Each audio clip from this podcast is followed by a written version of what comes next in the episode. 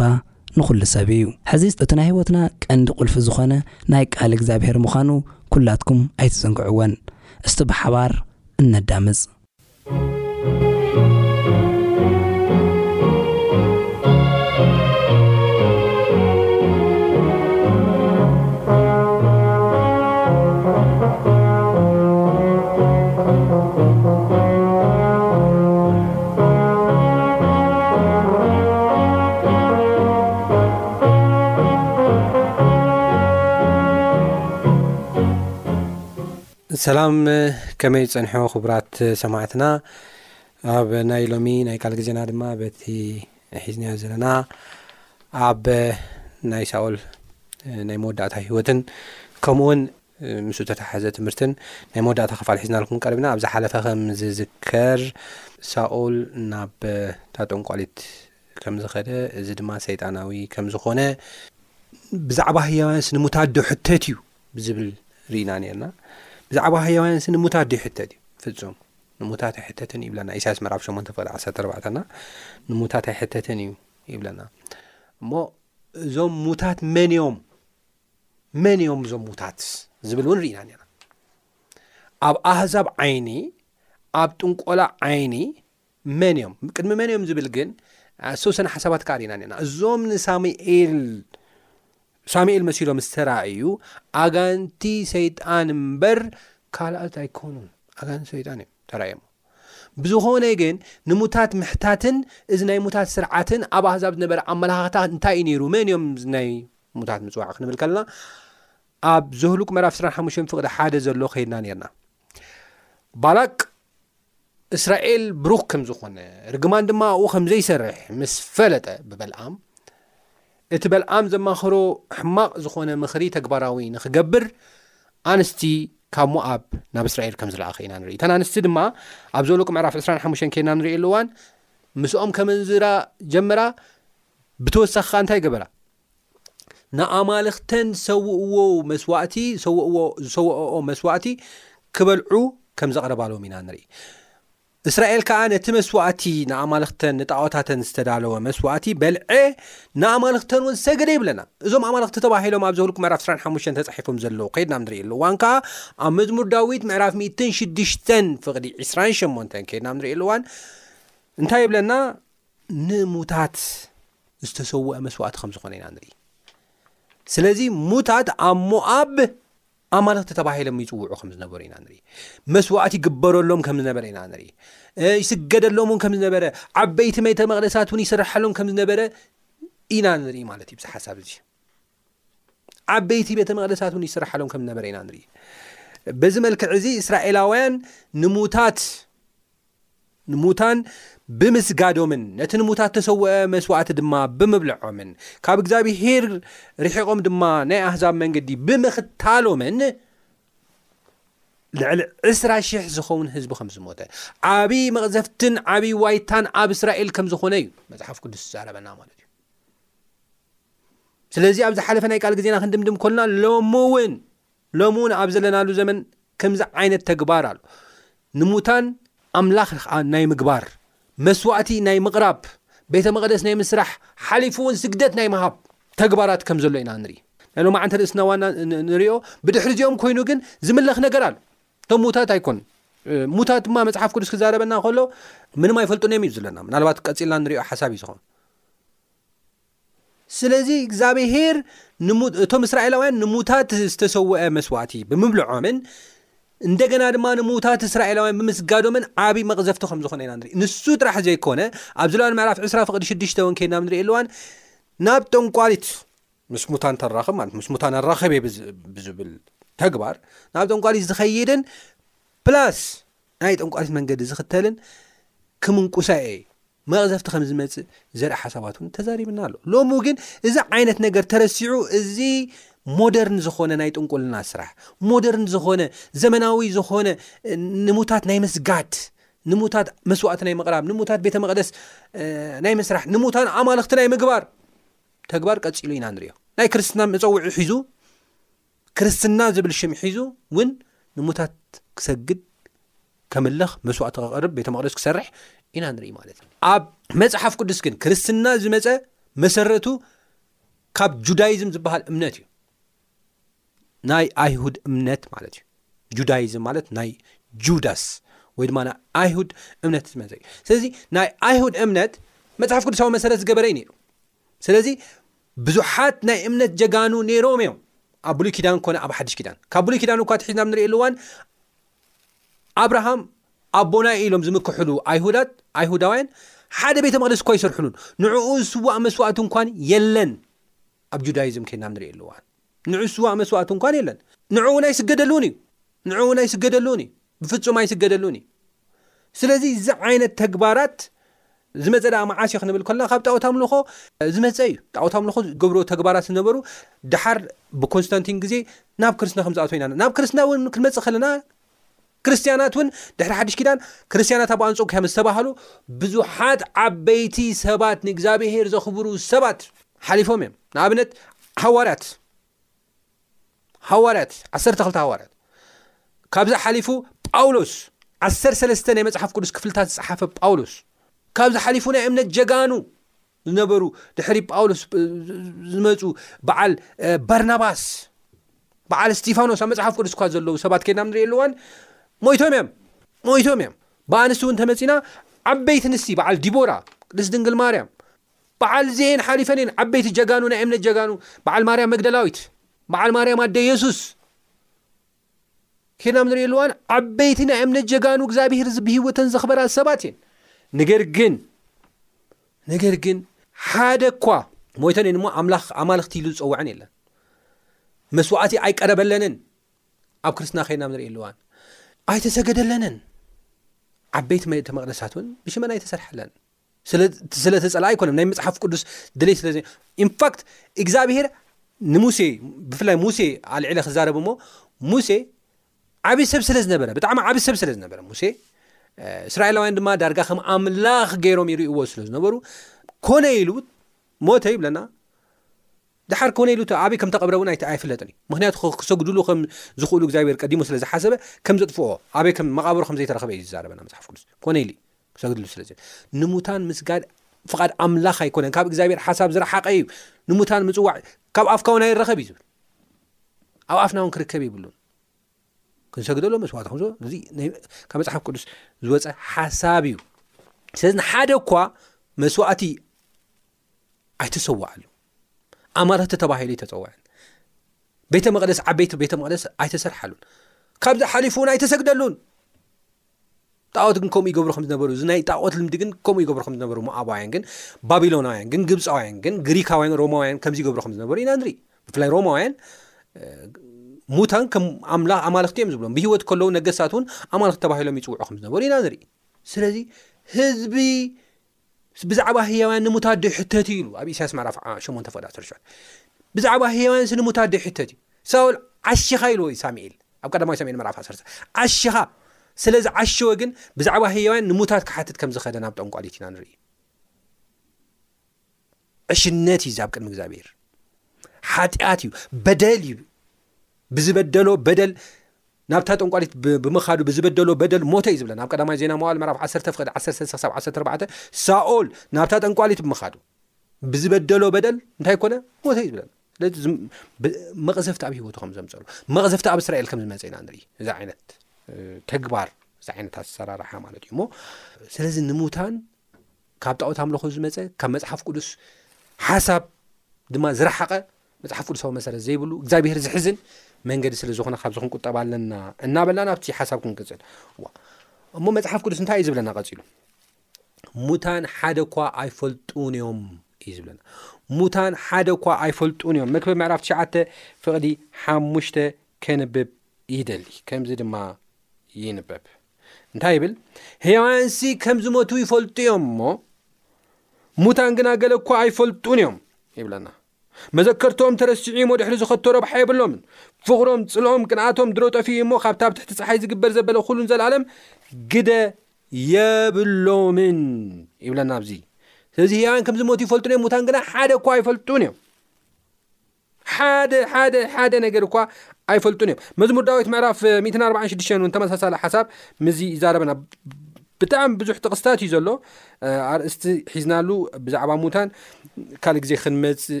ኢና ኢለ ተስፋ ይገብር ብዝኾነ ግን መዝሙር ዳዊት ምዕራፍ 146 ቁፅሪ 4 ከዓ ሰብ ምስ ሞተ ትንፋሱ ይወጽእ፣ ናብ መሬት ድማ ይምለስ። በታ መዓልቲ እቲኣ ኸኣ ሃቐንኡ፣ ዝሓሰቦ፣ ዝተለሞ፣ ፕላን ዝገበሮ ብምልኡ እንታይ ይገብር? ይጠፍእ። ስለዚ ይብለና ካብ ቁፅሪ ሰለስተ ትሒዝና ክንርኢ ከለና ብመሳፍንቲ በቲ ክረድእ ዘይከኣሉ ወዲ ሰብ ኣይትወከሉ ብኡ ኣይትወከሉ ብሰብ ኣይትወከሉ ንሰብ ኣምላኽ ጌርኩም ብኡ ኣይትወከሉ ይብለና መጽሓፍ ቅዱስ ቀጺሉ ክዛረብ ከሎ ኣምላኽ ያቆብ ዝረድኤቱ ተስፍኡ ከዓ ብ እግዚኣብሔር ኣምላኽ ዝገበረ ሰብ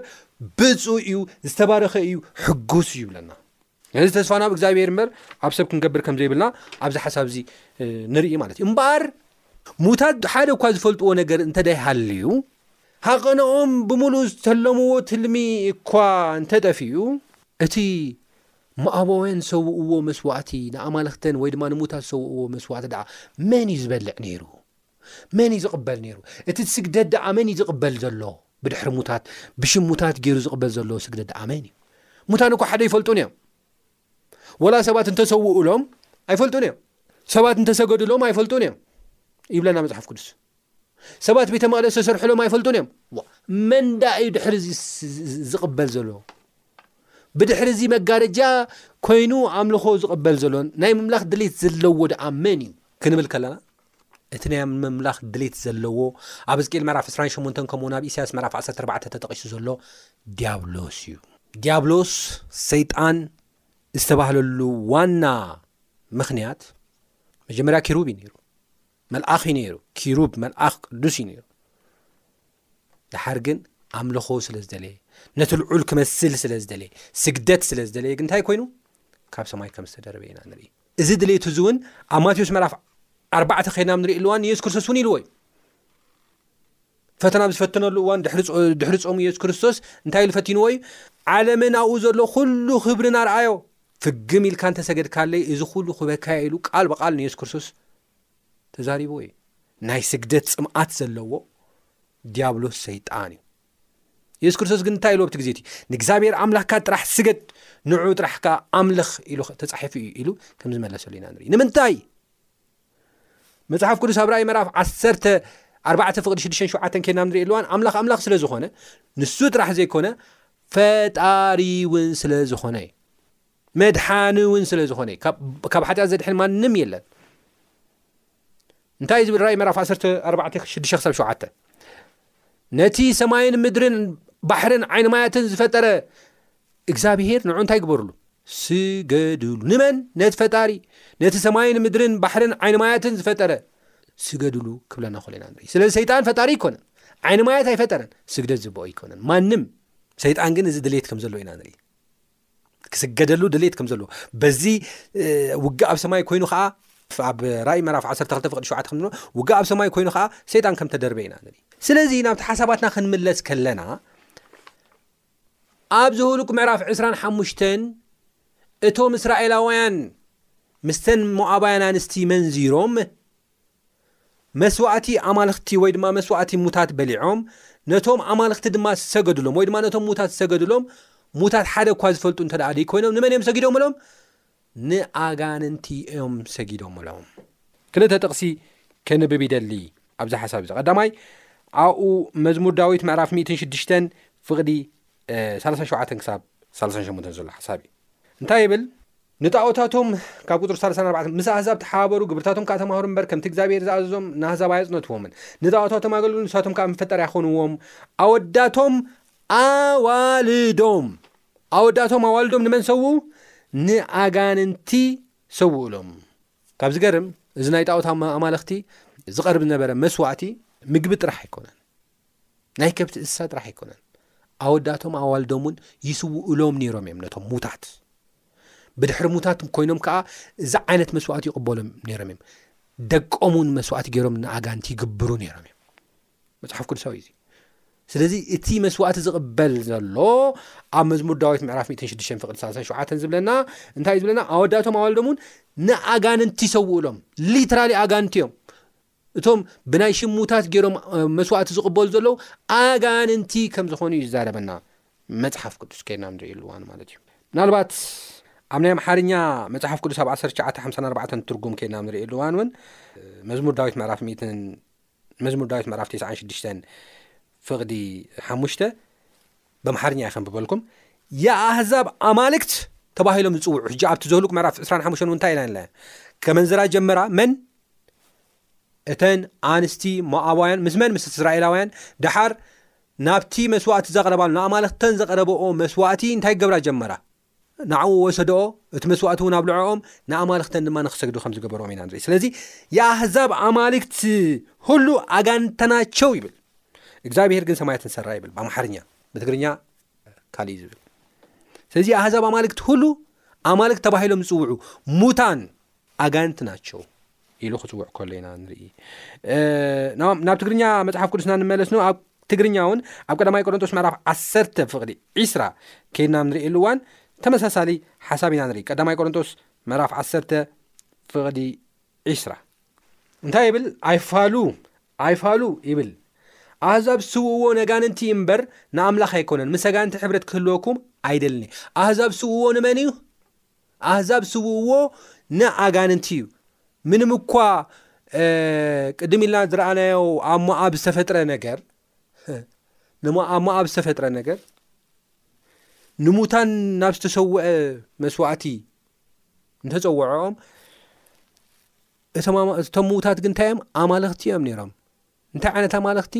ኣጋንንቲ እዮም ነይሮም እዩ። ኣህዛብ ዝስውእዎ ነጋንንቲ እዩ። ግልፂ ዝኾነ ቃል እዩ። ንኣምላኽ ኣይኮነን። ምስ ኣጋንንቲ ሕብረት ክህልወኩም ድማ ኣይፈቱን እየ። ፅዋእ ጎይታን ፅዋእ ኣጋንንቲ ክትሰትዩ ኣይኮነልኩምን እዩ። ኣብ መኣዲ ጎይታን ኣብ መኣዲ ኣጋንንቲ እውን ክትምቀሉ ኣይከኣለኩምን እዩ። ኢሉ ብግልፂ ክዛረበና ከሎ ኣብዚ ሓሳብ እዚ ኢና ንርኢ ማለት ስለዚ ሳኦል ምስ ኣጋንንቲ ተራኺቡ፣ እስራኤላውያን ንኣጋንቲ ዝተሰውአ መስዋእቲኦም በሊዖም ንኣጋንቲኦም ሰጊዶም። ሎሚ እውን ንሙታን መስዋእቲ ዝስውኡ፣ ንዝሞቱ ሰባት መስዋእቲ ዝስውኡ፣ ዓበይቲ ቤተ መቕደሳት ዝሰርሑ፣ ንሙታን ድማ ኣማልኽቲኦም ኢሎም ዝፅውዑ ናብ እግዚኣብሔር ከብፅሑና ዝኽእሉ ኣማልኽቲ እዮም ወይ ድማ እግዚኣብሔር ባዕሎም እዮም ናይ እግዚኣብሔር ቦታ ዝህቡ ሰባት ብምልኦም እቲ መስዋእቶም ኮነ ኣምልኾኦም ብምሉኡ ንኣጋንንቲ እዩ። እዚ መጽሓፍ ቅዱሳዊ ሓሳብ ኢና ንዛረብ ዘለና መጽሓፍ ቅዱሳዊ ሓሳብ ኢና ንዛረብ ዘለና ማለት እዩ ስለዚ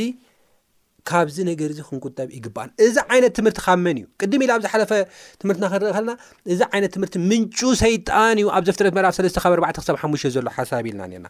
ንሱ ጥራሕ ዘይኮነ ኣብ ቀዳማይ ጢሞቴዎስ ምዕራፍ ኣርባዕተ እውን ከይና ንርኢ ኣለዋን ግልፂ ዝኾነ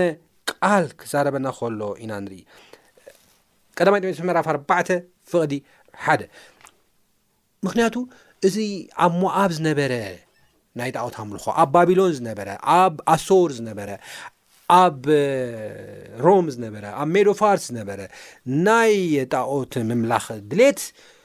ሓሊፉ ሎሚ እውን ሞደርን ዘመናዊ ጥንቁልና ዘመናዊ ናይ ጣዖት ኣምልኾ ከም ዘሎ ኢና ንርኢ ማለት እዩ ስለዚ እንታይ ዝብል እዚ ዓይነት ትምህርቲ ምንጩ ወላ ካብ ሰይጣን እኳ ተኾነ ሕጂ እውን እቲ ትምህርቲ ዘቐብሎም ዘሎ ከምዚ ዓይነት ትምህርቲ ዘቐብሎም ዘሎ ናይ ክርስትና መልክዕ ኣትሒዙ ገለ መለታት ኣትሒዙ ዘቐብሎም ዘሎ ካብ መጽሓፍ ቅዱስ ሰባት ንኽርሕቑ ዝገብርም ዘሎ ኣጋንቲ እዩ ስለዚ እንታይ ይብል እቲ ኣብቲ ዳሕራይ ዘመናት ግና ገሊኦም እምነት ክሒዶም ንመናፍስቲ ስሕተት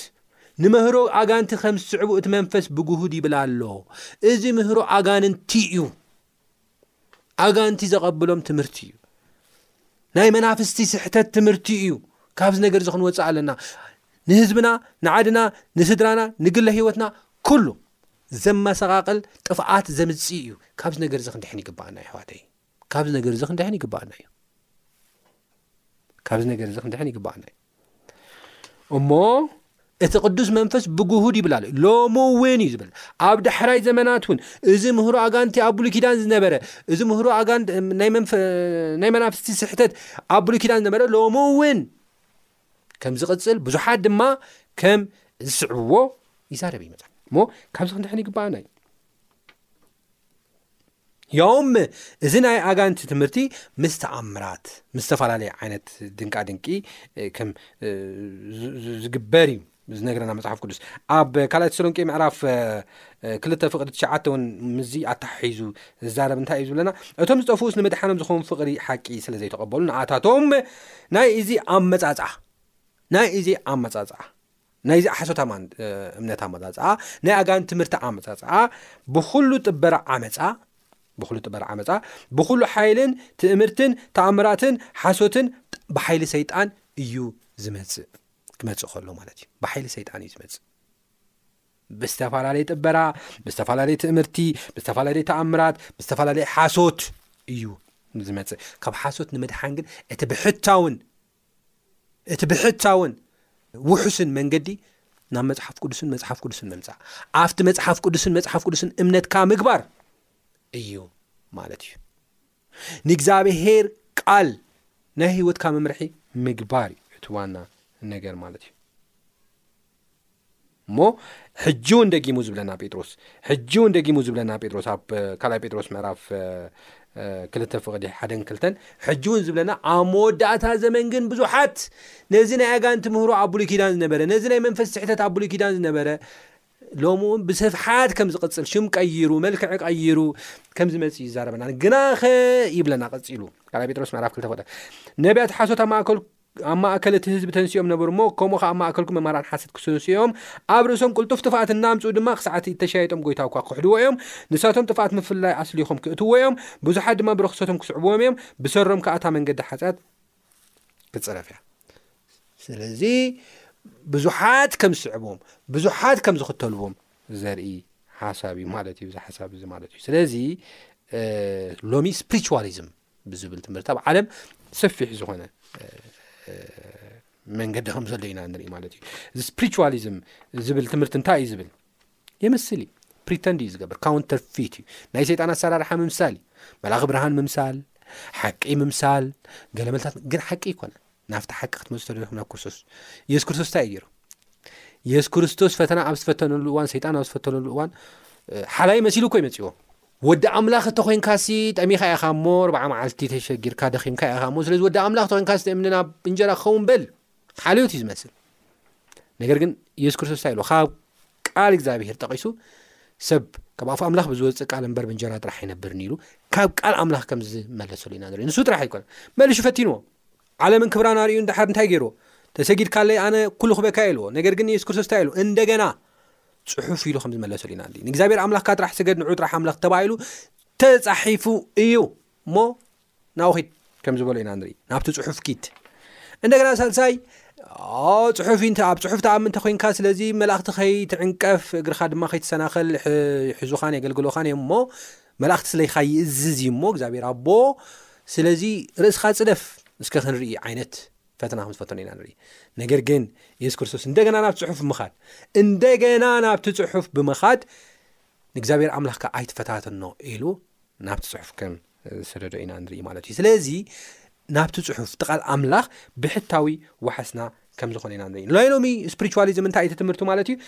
ሞት የለን ይብል ሞት ግን ኣሎ እዩ ሞት ማለት ድማ ዘይምንባር ማለት እዩ እንደገና ሓጢኣት የለን ይብል ሓጢኣት ኣሎ እዩ ሓጢኣት ምፍራስ ሕጊ እዩ ዝብለና ኣብ ቀዳማ ዮሃንስ ምዕራፍ ሰለስተ ፍቅዲ ኣርባዕተ ከይና ንሪኦ ኣለዋን ሓጢኣት ምፍራስ ሕጊ እዩ ዝብለና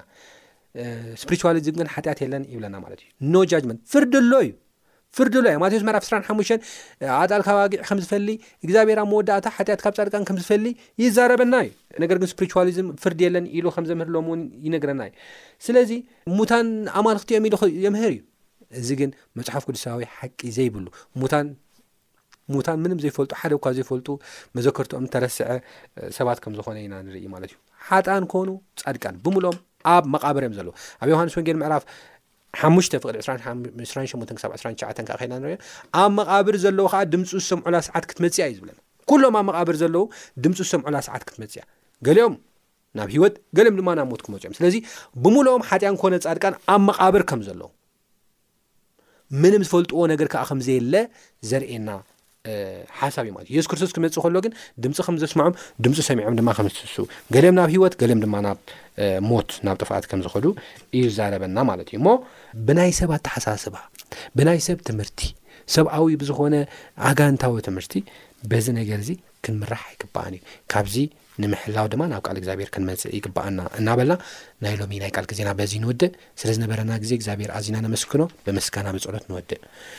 እግዚኣብሔር ኣምላኽና ስለ ዝነበረና ግዜ ነመስግነካ ኣለና ሕጂ ድማ ከም ቃልካ ክንነብር ናብ ቃልካ ክንመጽእ ቃልካ ድማ ክትገልጸልና ምስትውዓል እውን ክትበና ንልምነካ ክንእዘዘካን ከም ፍቓድካ ክንነብርን ልምነካ ስለ ኩሉ ነገር ተመስገን ብጎይታና መድሓና ንስ ክርስቶስ ኣሜን